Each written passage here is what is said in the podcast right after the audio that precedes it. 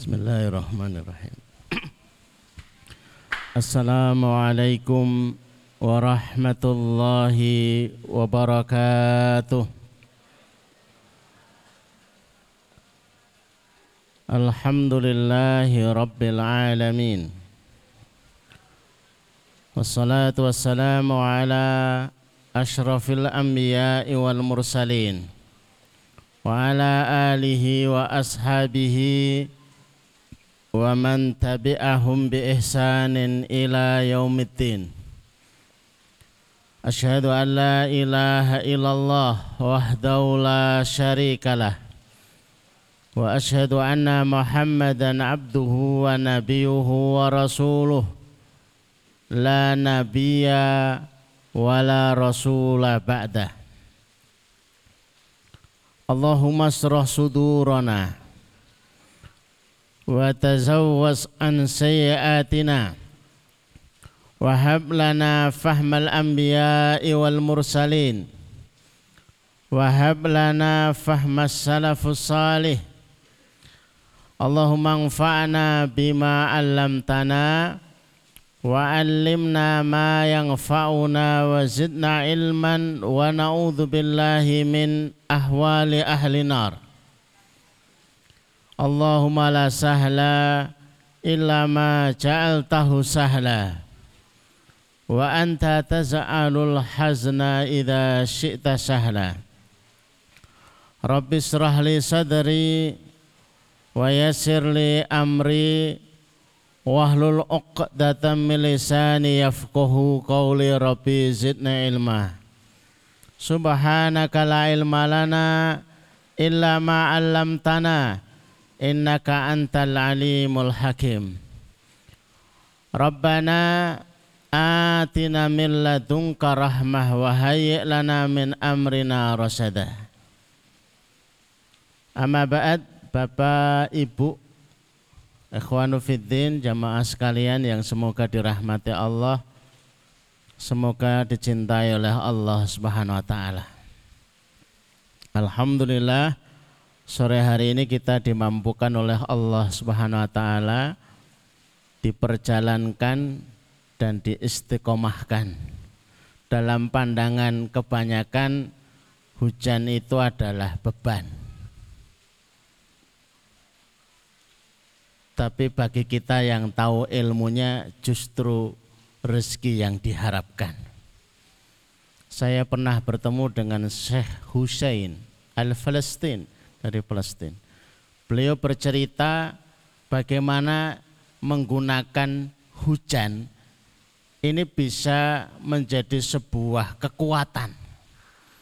Hari itu seribu tawanan Palestina ditangkap oleh Israel. Saya juga baru tahu bagaimana caranya berdoa ketika hujan.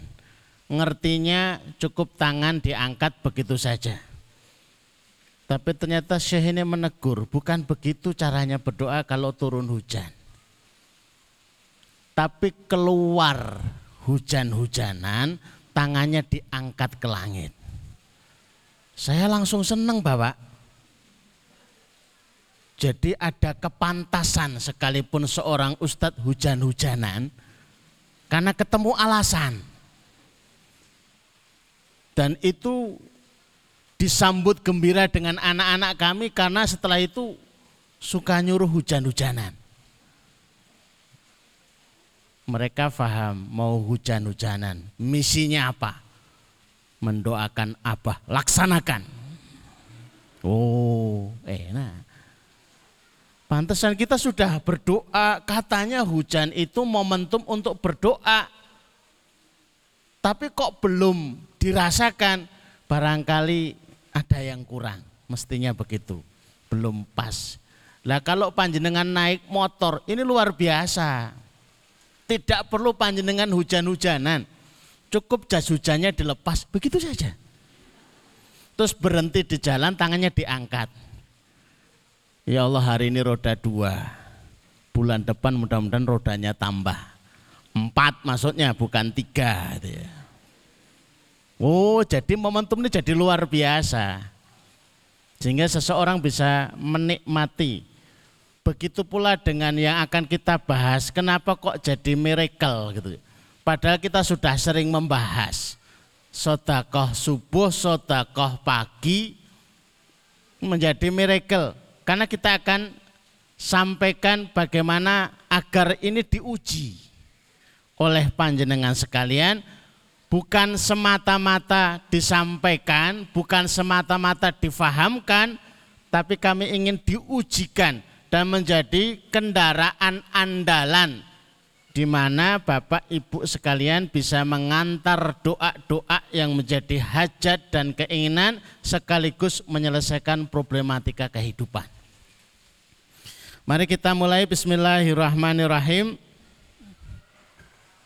Ada 10 miracle sedekah.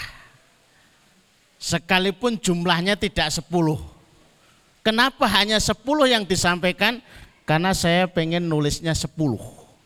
Bapak Ibu boleh protes, enggak 10, ya terserah yang nulis saya. Ya, 10 saja sudah banyak, cukup untuk menenangkan pikiran, cukup untuk memenuhi kuota keyakinan. Oh, 10 aja sudah hebat, apalagi kok ada yang lain. Dan saya yakin temuan-temuan dalam praktek menemukan lebih dari sepuluh. Saya pernah begini, saya pernah begini. Tapi kalau tidak pernah dipraktekkan, yang nggak akan menemukan sesuatu yang menjadi sebuah temuan-temuan dalam amal soleh. Maka mendapatkan ilmu itu dengan dua cara. Satu, melalui majelis seperti ini. Dua, mengamalkan yang didengar dari ilmu. Kalau nggak diamalkan nggak tambah ilmu. Wa ma ilmi illa qalil. Kami tidak memberikan ilmu kepada kalian kecuali sedikit. Yang sedikit itu kalau tidak diamalkan tidak akan ditambahkan. Manjahada fina lanahdiyannahum subulana yang bersungguh-sungguh akan kami tampakkan jalannya. Beliau Umar bin Abdul Aziz menjelaskan manjahada fina itu sebagai man ya'mal yang mengamalkan ilmu itu akan ditampakkan jalan-jalan yang lain dari ilmu-ilmu yang lainnya. Apakah masih banyak ilmu-ilmu yang akan Allah tawarkan dan tunjukkan kepada kita? Sangat banyak sekiranya seluruh pohon yang ada di bumi ini sebagai pena. Kali tujuh. Lautan sebagai tinta. Kali tujuh. Mana tidak akan selesai untuk membahas ilmunya Allah. Lah kalau sudah tahu tidak akan selesai ilmu itu dibahas, kenapa harus dibahas? Bapak Ibu yang dirahmati Allah, cukup untuk menjadi sangu, bekal, alasan kalau panjenengan rawuh hadir di majelis-majelis ilmu untuk dimudahkan masuk ke dalam surga. Karena itu janji Allah Subhanahu wa taala. Ketika dipersulit kita bisa tunjukkan absennya. Ya Allah, absen saya itu terus masuk dalam kajian majelis ilmu. Lah masuk hadir dalam majelis ilmu itu mudeng apa enggak? Kan enggak harus mudeng. Dapat snack apa enggak? Kan enggak harus dapat snack. Yang penting memenuhi perintah Rasulmu dengan itu mendapatkan janji man salaka tariqan yaltamisu fihi ilman sahalallahu lahu bihi tariqan ilal jannah siapa yang menempuh perjalanan dan perjalanan itu dinawaitukan untuk telabul ilmi, Allah akan mudahkan. Menggunakan sahala ala wazni fa'ala, itu tadarujiyah, proses semakin mudah, semakin mudah, semakin mudah. Jalan menuju jannahnya Allah taala. Ada sepuluh Bapak Ibu yang dirahmati Allah. Yang pertama menolak balak cerita jamaah itu kata dokter disuap positif swab ya positif. Terus sodakoh satu karung beras. Itu jadi negatif itu? Kok bisa ya? Kalau gitu kan praktis. Urusan hidup ini memenuhi standar yang membuat, standar yang mengatur. Kalau Bapak Ibu berkenan melihat di awal dari surat Al-Lail, di sana sudah disampaikan. Awal ayat ini sudah diprolog. Bahwa kita dengan segala keragaman kita diciptakan laki-laki dan perempuan dengan profesi yang berbeda-beda, diberi waktu malam dan siang, umur yang berbeda. Tidak peduli apa pun profesi kita, tidak peduli apa pun gender kita.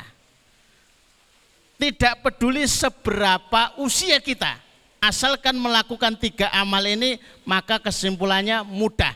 Hidupnya mudah, nafkahnya mudah, menikahnya mudah, memiliki keturunan mudah, ngurus anak-anak mudah. Semuanya yang hari ini dinamakan hidup akan dilabeli mudah. Apa itu? Fa'amma man a'to wattaqa wasaddaqa bil husna fasanu yassiruhu lil yusra. Siapa-siapa yang konsep hidupnya itu a'ato. Pengennya itu memberi. Jadi konsepnya bukan menerima. Pengennya terus memberi, terus memberi, terus memberi. Sedihnya diri itu kalau tidak bisa memberi. Karena dia itu ingin memberi, maka dia wattako, dia bertakwa. Bertakwanya itu agar bisa memberi. Untuk bertakwa ternyata susahnya bukan main. Kayak kok sulit bertakwa itu kenapa toh? Saya kok sulit beribadah itu kenapa toh? Saya kok sulit puasa itu kenapa? Saya kok sulit tilawah itu kenapa? Jawabannya yang nomor tiga. Wasaddaqabil husna. Karena belum meyakini yang dijanjikan Allah dari balasan-balasan termasuk yang paling besar yaitu surganya Allah. Kenapa saya itu sulit kiamulail? Karena panjenengan belum yakin dengan surga. Kenapa sulit tilawah? Karena belum begitu yakin betul membuktikan bahwa itu obat, termasuk obat kemiskinan, termasuk obat sumbatan tagihan, termasuk obat rezeki yang kurang lancar, termasuk sakit-sakit yang lain. Kalau misalkan harus dikarantina, tapi isi daripada karantina itu tilawah terus. Ada jamaah yang mencoba tilawah mumpung karantina 10 juz tiap hari. Ini kan sudah masuk wilayah kaum rebahan. Terus ngapain? Saya bingung mau ngapain. Ya sudah buat tilawah aja 10 juz ternyata percepatan untuk menjadi sehatnya luar biasa. Masya Allah. Maka tiga, ini kalau jadi capaian setiap orang dalam hidupnya. Saya itu pengen membuktikan janji di balik duha. Saya itu pengen membuktikan janji di balik sedekah pagi. Saya itu pengen membuktikan apa itu janji di balik tahajud. Semua itu serba serba kepo, pengen membuktikan gara-gara pengen membuktikan, eh dia jadi bertakwa. Gara-gara bertakwa semuanya jadi mudah. Gara-gara mudah dia semakin ingin berbagi. Baik berbagi harta, berbagi kebahagiaan, baik itu berbagi ilmu dan lain sebagainya. Tapi sebaliknya orang susah itu mesti menempuh tiga jalan ini. Kalau Bapak Ibu menemukan rute hidupnya itu ada tiga rambu-rambu ditemukan di tengah jalan kehidupan, cepat-cepat kembali. Satu, bakhila. Dua, wastagna. Tiga, wakadzababil husna. Itu mesti susah. Orangnya bahil, bahil waktu, bahil ilmu, bahil segalanya. Karena bahil dia itu tidak butuh sama Allah. Karena tidak butuh sama Allah, dia itu suka mendustakan yang dijanjikan Allah dan yang dijanjikan Rasulullah. Kalau mau dibalik, gara-gara dia itu suka mendustakan yang dijanjikan Allah, dijanjikan Rasulullah, akhirnya nggak butuh dengan Allah. Gara-gara nggak butuh dengan Allah, akhirnya bakhil. Kalau ada tiga hal ini ada pada diri kita, cepat-cepat diobati. Susah mesti. Fasanu yassiruhu lil usro. Kalaupun nggak susah, akan disiapkan susah. Kalaupun nggak susah, akan dipaksa susah. Ayo milih mana? Yo ibu-ibu di rumahnya dikasih kotak ya agar setiap habis sholat subuh itu diisi kemudian berdoa membuktikan janji sodakoh subuh itu kayak apa ya nek terbukti Ustaz lah nek ora ini tanda-tanda ini tanda-tanda sholat duhanya ditambah Rasulullah sudah berjanji kalau empat rekaat dijamin rizkinya hari itu tenang nih tanda-tanda kalau adzan berkumandang bu, goreng tempenya berhenti. Ya nek gosong piye? Ya kompor ini tuh. Mulai gue kayak nyapo. Biar kita itu serius mengurus perintahnya Allah, kita pun juga lebih serius diperhatikan oleh Allah. Tenane tanda-tanda. Yo ibu-ibu kalau ada rezeki disisihkan kita sodako Sodakoh itu pakai uang atau pakai godong Ustaz? Kita tanda-tanda. Arab registrasi susah. Merencanakan susah hidup. Ini nyatane seneng masjid kae. Gawene ngaji tapi tetap melarat. Ini tanda-tanda susah. Ya. Ini sudah ada tanda-tanda mendustakan apa yang dijanjikan oleh Allah mendustakan yang dijanjikan oleh Rasulullah.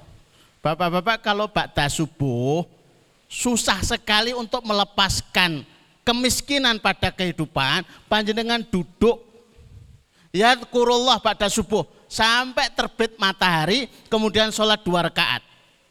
Namanya suruk. Terus tiba-tiba dia ngomong sama istrinya dek diajeng yang kata ustadz itu kalau sebagai suami Ba'da subuh itu sebaiknya di masjid duduk sampai matahari terbit matahari terbit mohon maaf kemudian sholat dua rakaat Allah padune nyingkiri gawean ndak mau bantu ngopeni anak-anak saya tahu itu modus Oh, tanda-tanda susah ini. Terlalu banyak tanda-tanda susah di sekitaran kita. Menolak balak nomor satu. Kalau kita difonis reaktif, terus kemudian sotoko, terus hasilnya adalah menurut ilmunya ya selesai. Dua obat segala penyakit. Nah, kalau susah, obatnya ini. Anaknya gak pinteran. Anak saya itu belajar berapa tahun, gak pinter-pinter. Sedekah aja. Istrinya gak mau pakai jilbab. Sedekah mawon. Ada sahabat saya itu minta istrinya berjilbab susah Akhirnya dia ngambil uang itu sebanyak yang dia mampu untuk diambil. Karena memang nggak banyak gitu loh. Habis sholat subuh, ya Allah, kalau memang istri saya itu menjadi rezeki saya berjilbab, tetapkan dia berjilbab dan mudahkan. Kalau memang tidak berrezeki berjilbab, ya Allah, pisahkan sekalian. Bien kok kejemen? Kan nggak ngomong sama istri kan nggak ngerti istrinya. Tahu tuh sampai di rumah mas aku kok pengen pakai jilbab ya? Cocok kapokmu kapan ya. Oh sekarang kita sudah punya ilmu ya? Iya makanya ngaji. Nomor tiga pengantar doa mustajab. Seperti apa? Nanti kita bahas. Yang keempat dilipat gandakan pahalanya. Sodakoh itu dilipat gandakan pahalanya, dilipat gandakan hasilnya.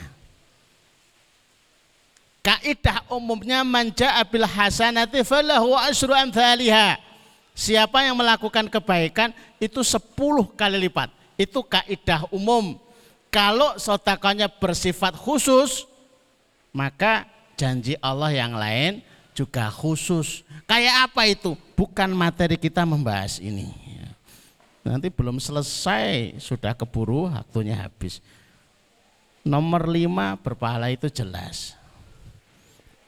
Karena begitu berpahalanya mereka-mereka yang dalam kondisi injury time. Sebentar lagi kembali kepada Allah. Kondisinya sakarat. Itu yang diharapkan apa? Bersodakoh. Karena pahalanya luar biasa. Pahalanya luar biasa. Yang keenam, mengantar husnul khotimah. Lantanalul birro. Awal juz 4.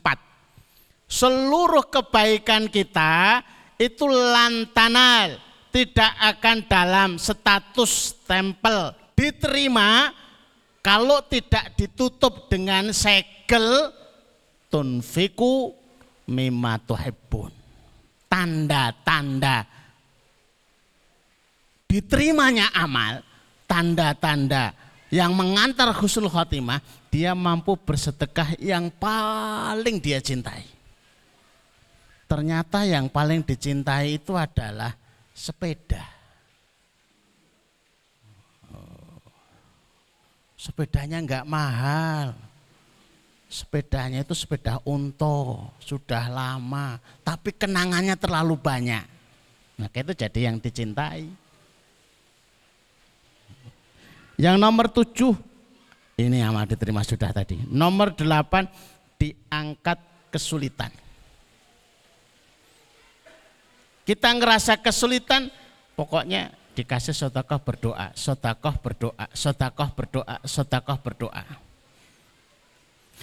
Nomor sembilan dinaungi di mahsyar. Wabil khusus sotakoh yang diberikan tangan kanan, tangan kirinya nggak tahu. Itu tamfil sodakoh sembunyi-sembunyi. Yang sodakoh suami, istrinya nggak ngerti. Yang sodakoh istri, suaminya nggak ngerti masalah. Lah uangnya sua, suami. Dia punya cara bersodakoh yang unik. Yang nomor sepuluh, cita-cita mereka yang akan mati. Dan itu semua yang mereka akan mati. Ya Allah, as aku akan sodako, aku akan sodako. Setelah itu aku akan beramal soleh. Karena sodako itu membuka pintu-pintu amal soleh. Kenapa para sahabat Ridwanullah alaihim itu kok dimudahkan beramal soleh? Bapak Ibu perlu mencatat rekaman yang diliput oleh sejarah. Sejumlah seribu orang itu berpindah dari Mekah ke Madinah dalam sebuah amal soleh bernama hijrah. Ini yang hari ini banyak ditiru. Hijrah ah. Namanya hijrah tapi belum tentu kualitas amalnya sebagaimana kualitas para sahabat waktu itu pindah dari Mekah kepada Madinah. Itu habis-habisan loh. Rumah ditinggal, tanah ditinggal, sertifikat di tanah, apa ditinggal juga.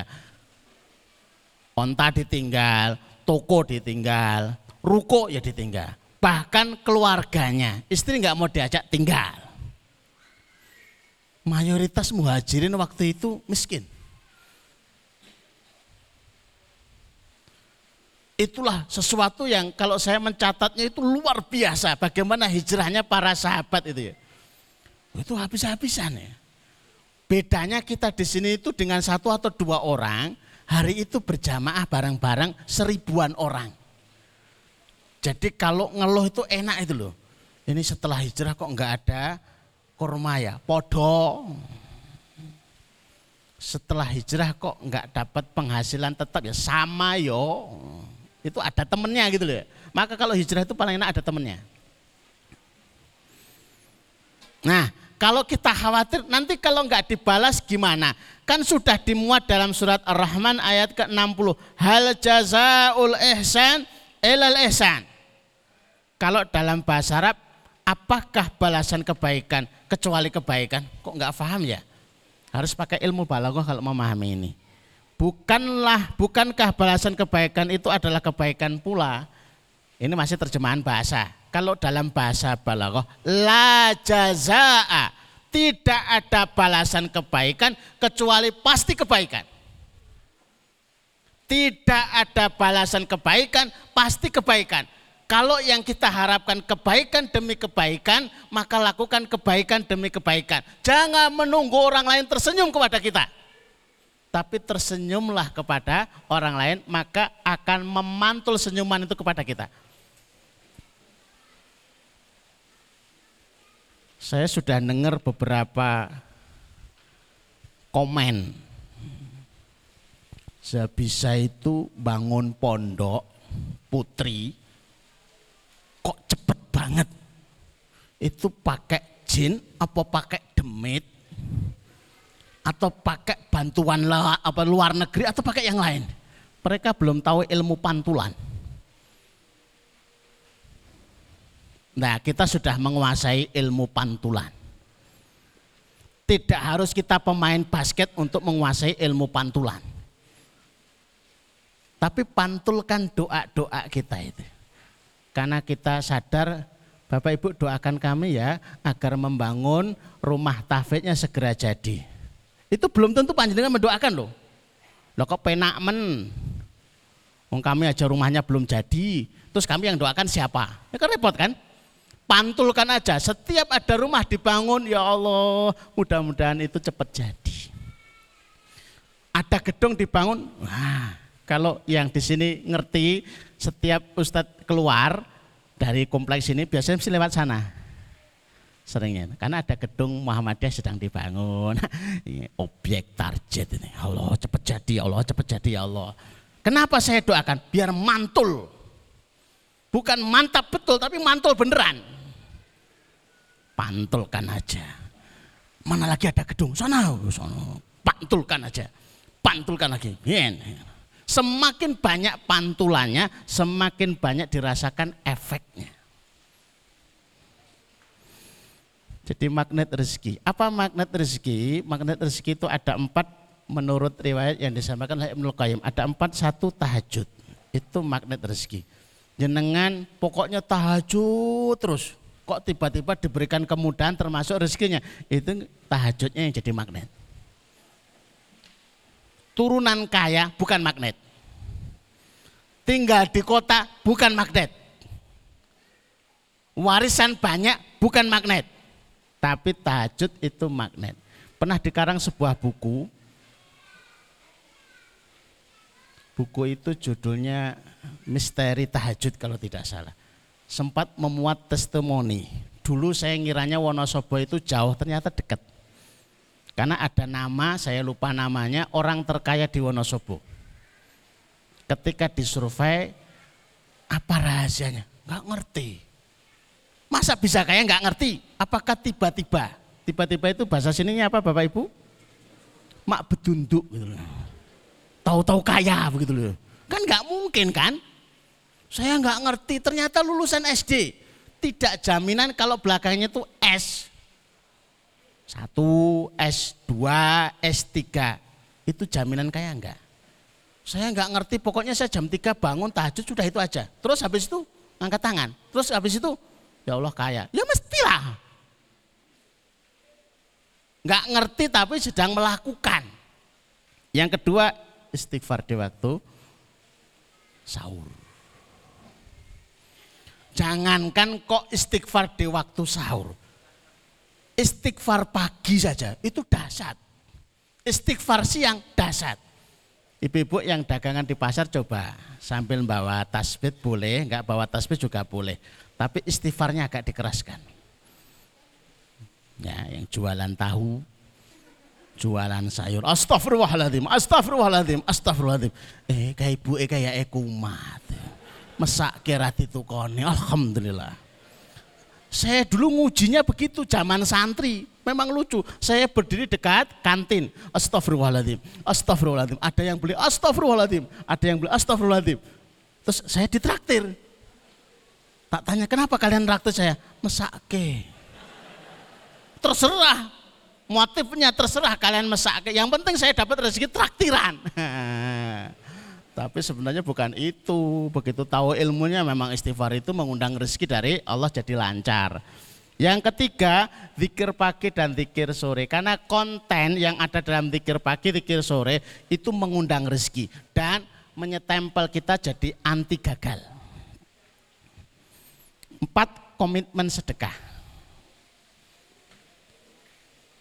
Kadang-kadang kita butuh berani komitmen. Diumumkan oleh ayah Heri Ketua Yayasan, insya Allah kita akan bebaskan tanah. Saya siap satu hektar.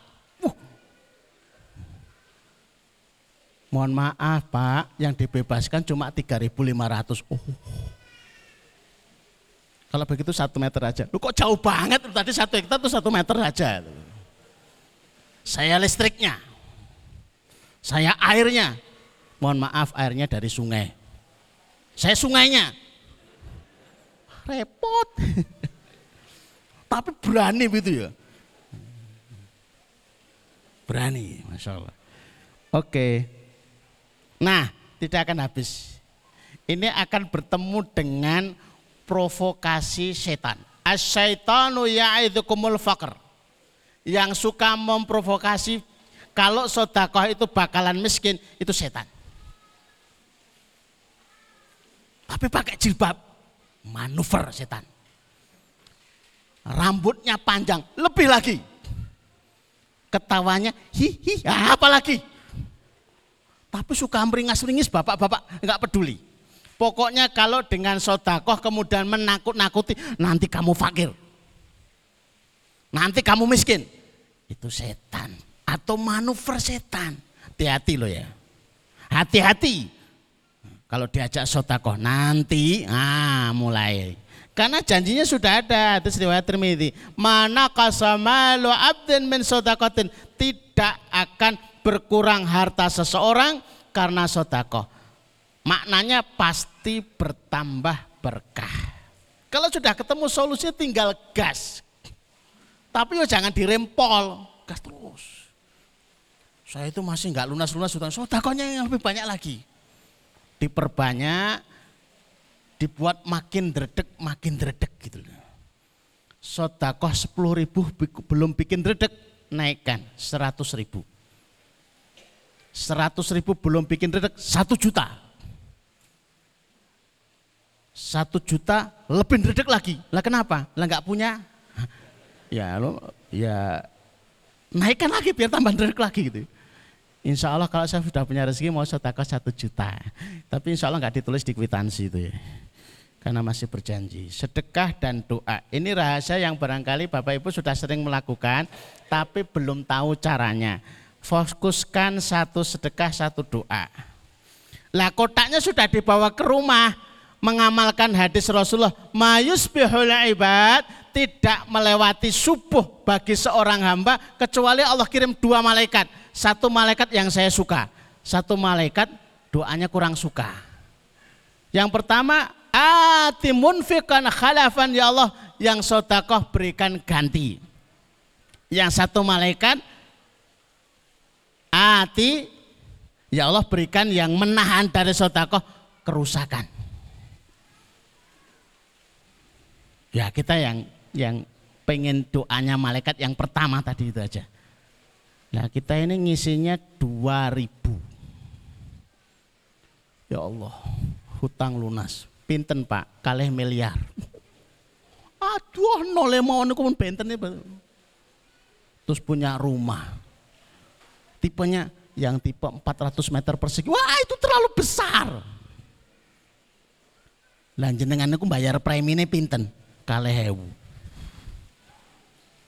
Sedekah sedikit tapi requestnya terlalu banyak. Kata Ustadz, sodakoh doa, sodakoh doa. Iya bener. Tapi di baca itu red. 100 doa, request. Yang dimasukkan kotaknya gede. Satu meter kali 50 kotak masjid itu. Begitu dimasukkan, itu terdengarnya suaranya nyaring. Radius 2 meter masih terdengar. Klotak.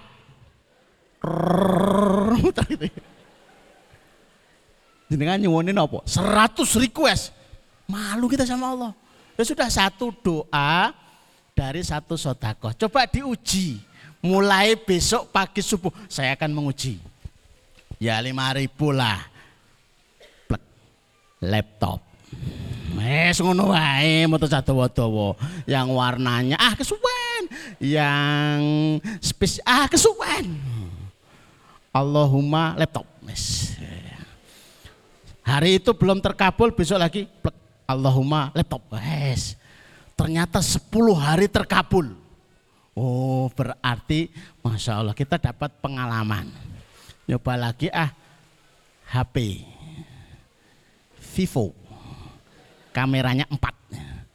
Allahumma Vivo kameranya 4. Allahumma Vivo kameranya 4.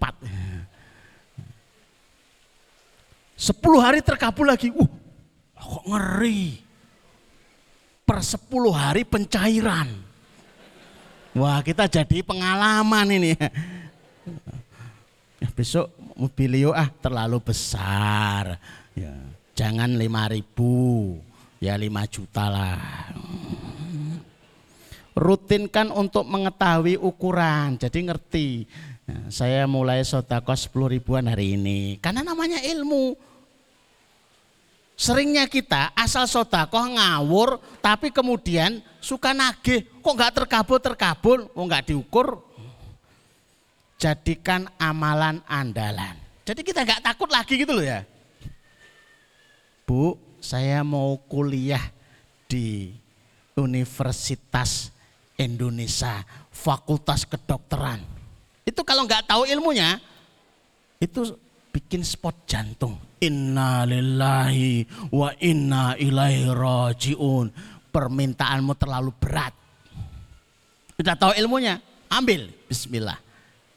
Ibu saya kok kandel ngaji. Pak, ini motornya harus ganti karena kuliahnya agak jauh. Oh, insya Allah, insya Allah. Bapak sekarang kok tenang ngaji. Oh ternyata ngaji itu bikin tenang ya. Oh iya. Nah ini hadisnya. Tidaklah sehari pun sekalian hamba memasuki suatu pagi, bahasa tepatnya subuh, Kecuali ada dua malaikat yang turun salah satu dari malaikat berkata, Ya Allah berikan rezeki kepada orang yang menafkahkan hartanya. Sementara yang lain berkata, Ya Allah kurangkan dari yang dimilikinya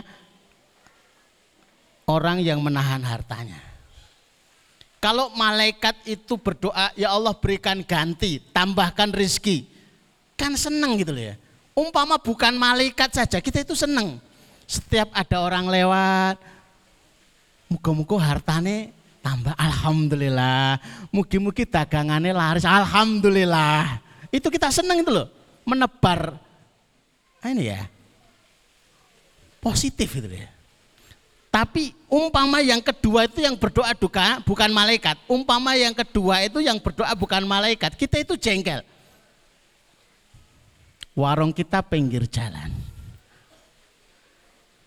Tiba-tiba orang naik motor berhenti depan warung. Sit. Nggak mau beli, cuma mau berdoa. Allah ma'ati mumsikan telah bangkrut. jengkel ke. Terus ada mobil lewat. Begitu lewat depan toko kita, kacanya dibuka. Bangkrut. Lewat lagi. Terus ada anak-anak pulang sekolah kemudian nyanyi depan toko kita, bangkrut, bangkrut, bangkrut. Cengkel nggak bu? Pengennya balang sandal. Padahal itu bukan malaikat. Orang aja kita jengkel. Apalagi malaikat. Sekali berdoa malaikat itu mustajab. Bangkrut. Mbak bangkrut. Ngeri gitu ya. Nah ini diedukasikan. Amalan yang mewaris. Ibu praktek, anaknya diajari sehingga jadi ilmu yang terwariskan dari keturunan ke keturunan. Sebagaimana kami pernah cerita seorang pembantu di Surabaya. Bapaknya tukang sapu, ibunya pembantu. Hadir di pengajian, lah ketemu dengan majikannya pembantu itu. Majikannya kaget, pembantunya juga kaget Loh, jenengan kok ikut pengajian toh Bu? Loh, kamu kok ya ikut? Tapi yang membuat kejutan bukan itu. Begitu dicek, majikannya sodakohnya 10 ribu, pembantunya 60 ribu.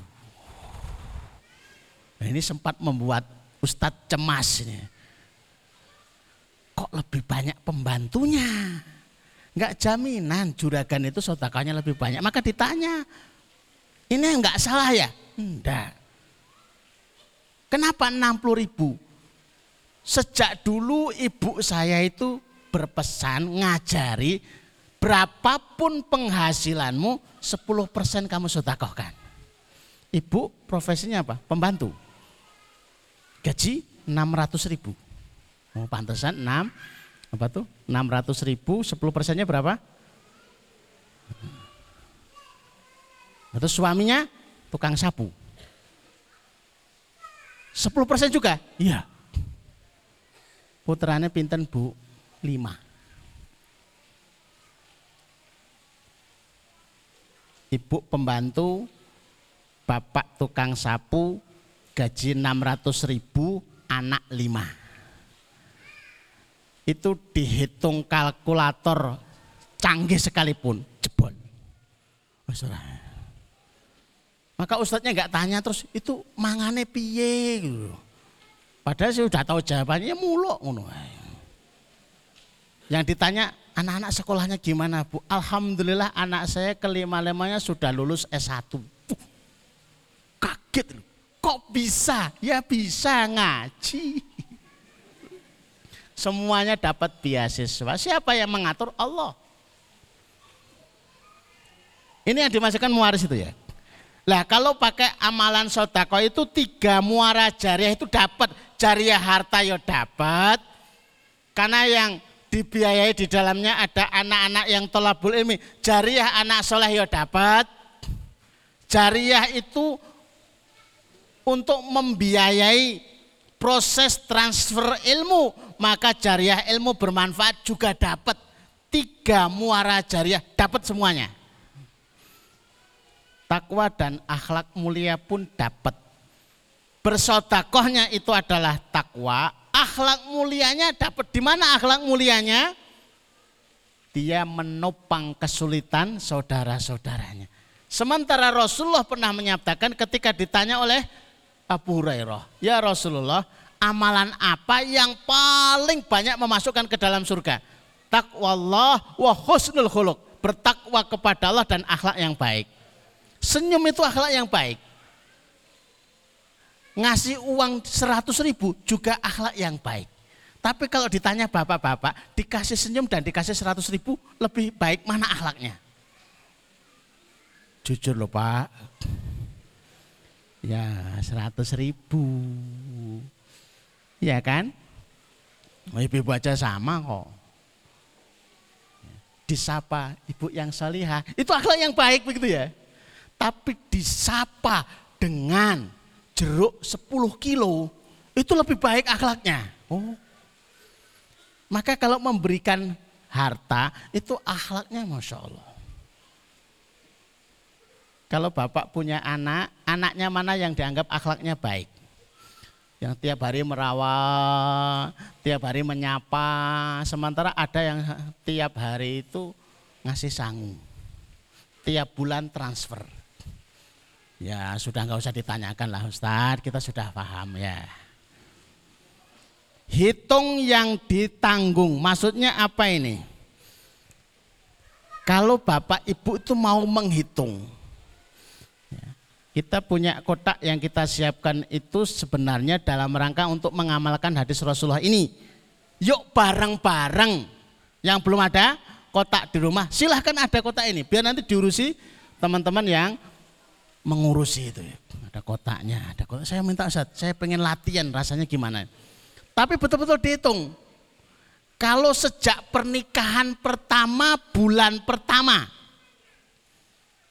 pernikahan bulan pertama Januari sodakohnya seribu seribu seribu seribu sebulan dibuka tiga puluh ribu pernikahan bulan pertama sodakohnya tiga puluh ribu kira-kira pernikahan ini terjamin apa enggak rezekinya Bapak Ibu coba direview diingat-ingat terjamin enggak survei membuktikan terjamin. Jenengan kan nggak survei, lah kami survei kok. Kotaknya ada di mana-mana. Yang sodakohnya pernikahan, mana yang mantan anyar. Nah. Tercukupi enggak? Tercukupi Bapak Ibu. Enggak itu saat jenengan kesupen. Pernikahan bulan pertama itu statusnya pernikahan bersubsidi subsidi orang tua, subsidi mertua. Sering ditelepon, e, piye nduk iso mangan sakit alhamdulillah. Nang mburi anak alhamdulillah. Bersubsidi. Tapi bulan kedua mestinya nambah 2000 2000 2000. Ya, Mas Pas yang mau menikah amalkan ini. Bulan ketiga 3000, 3000, 3000. Tapi seringnya enggak. Bulan pertama sampai bulan 12 ya 1000. Alasannya istiqamah. Lawang tanggungannya itu tambah, sodakohnya enggak tambah. Masa sodakohnya istiqomah, masalahnya enggak istiqomah. Harusnya masalahnya kayak bulan pertama gitu loh. Bulan ke-12 masalahnya tambah lahir anak satu lah. Kontraan habis, nah. Motor masih bayar kreditan, nah. Angsuran. Ya enggak cukup. Mestinya bulan pertama 1000, 1000, bulan kedua 2000, 2000, bulan ketiga 3000, 3000. Bulan ke-12 12000, 12000. Lu kok banyak kan sudah latihan dari bulan pertama, jadi nggak ngeredek. Dibuka 360. Cukup enggak? Putra satu, bayar kontraan, bayar angsuran motor, tapi sotakohnya 360. Cukup apa enggak? Survei membuktikan sangat-sangat cukup. Kalau berlaku kaidah 10 kali lipat itu sudah 3 juta 600 loh ya. Nah, mau istiqomah atau mau nambah? Harusnya nambah. 10 tahun kemudian kok langsung lompat toh? Ya kayak sinetron kan. 10 tahun kemudian. Berarti 120 bulan kemudian. Bapak-bapak kalau menikah 10 tahun itu tanggungannya apa? Putra kira-kira berapa Pak? Saya nggak tanya ibu-ibu karena mereka lebih menguasai dalam persoalan ini. Berapa Pak? Ya kalau produktif lima lah. Rumah sudah butuhnya kamar tiga minimal. Motor yang rodanya empat. Emang ada? Ya motor di atas mobil, maksudnya begitu. Tapi sodakonya sudah mulai 120 ribu. Kalau nggak dilatih dari sejak bulan pertama tiba-tiba langsung lompat bulan ke 120 langsung kena penyakit Parkinson. Ngewel. Wih satu serong puluh Sebenarnya lubangnya ya besar.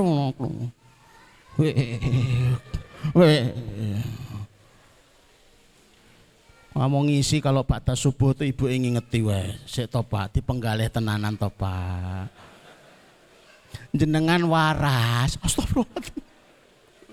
Sodakoh diwaras-waras niku lho. 120, 120, 120, dibuka 3 juta 600. Wow. Lah kok bisa sodako sebesar itu bulanannya? Latihan sejak bulan pertama. Kalau bapak ibu itu ngangkat barbel langsung yang 50 kilo, kram ototnya itu. Dengan latihan langsung 120 ribu tiap pada subuh, kram otot sedekahnya itu. Oh, aku kapok aku. Redek. Nah, dengan tanggungan anak lima, rumah seperti itu, butuh mobil, tapi sodakohnya 3 juta 600 kira-kira cukup enggak? Bingung toh? Ya bingung, saya sudah nyiapkan survei. Ada jamaah kami itu yang profesinya angkringan. Jawabnya cukup. Kok bisa angkringan? Anaknya banyak, butuh rumah, butuh mobil, kok cukup? Alhamdulillah Ustaz, angkringan kami sudah 20 cabang. Oh ya ya cukup, ya mesti wae. Angkringan tulisannya, tapi cabangnya ada jamaah kami saya tanya, eh, karyawannya jenengan angkringan ke pinten? Eh, sekedip Ustaz, memang ini saya itu di perusahaan besar, alat-alat berat terus resign Terus ya ini kini saketin namung angkringan atau nih. Lah karyawannya berapa? Namung walulas. Dan jenengan penghasilannya berapa? Ya kalau pas sepi begini nih ya 40 jutaan lah. Astagfirullahaladzim. Yang tulisannya direktur aja kalah. Nah, kalau 20 tahun kemudian Bapak Ibu yang menikah 20 tahun semakin redek. Eh, kok ya materinya kok nyinggung banget gitu loh ya. 20 tahun kemudian berarti sudah 240 bulan. Berarti sodakohnya 240 ribu tiap bakda subuh. Alangkah redek gitu. ngerti ngono aku ra mangkat ngaji sore iki mang perkara Bapak menikah sudah berapa tahun? Alhamdulillah sudah 30 tahun, Ustaz. Tapi terasanya baru satu tahun. Apa adunya ben sewu. Betul-betul merasakan pernikahan baru tahun ini sejak ngaji. Ini modus, ini mesti ngemodus sih. Gara-gara dengar penjelasan itu ya. Wah kalau ngitung, wah 30 kali 12. Uh, 36. Tiap pagi 360, 360. Memang ada yang praktek Ustaz. Ustaz mesti ngarang. Eh, ada loh yang tiap pada subuh itu sodakonya 300, 300, 300. Terus nasibnya gimana? Ya, jenengan bisa bayangkan lah. Kalau orang sotakohnya itu 300 kali 30, 9 juta setiap bulan. Ngeri gitu loh. Efek sodako itu luar biasa. Maka mensejahterakan apa yang tidak bisa dilakukan oleh Menteri Kesejahteraan sekalipun. Oh ya, hadis Rasulullah. Estimasikan 10 tahun sudah. Kesejahteraan yang terjamin ya sudah. Nah alhamdulillah selesai tinggal prakteknya. Jajal wani tenan pora. Saya berani mergaransi. Kalau kotak sudah dibagi di rumah-rumah panjenengan kemudian tidak terbukti bergaransi. Garansinya apa Bapak Ibu? Dikembalikan lagi. Lah ya lo mau mengamalkan hadis Rasulullah kok. Garansinya ya dikembalikan lagi ke sini. Tapi survei membuktikan tidak ada yang berani mengembalikan. Berarti luar biasa banyak nyebutnya kota ajaib. Kota ajaib. Ini yang untuk jaminan harian loh lah. Jaminan. Saya tuh pengen terjaminnya itu mingguan. Ya monggo Jumat aja. Tapi kalikan. Nah 120 kali 7. Uh, podo wae. Podo wae. Lah kita tuh sedang enak.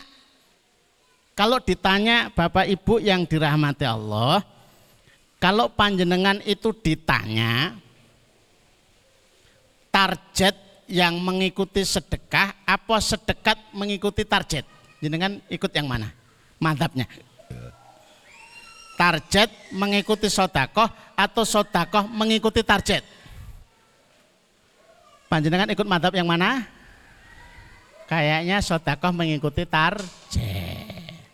Ini targetnya sakmene sodakoh ya sakmene. Padahal itu kepastiannya malah kurang. Mending kita ngikuti sodakohnya saja.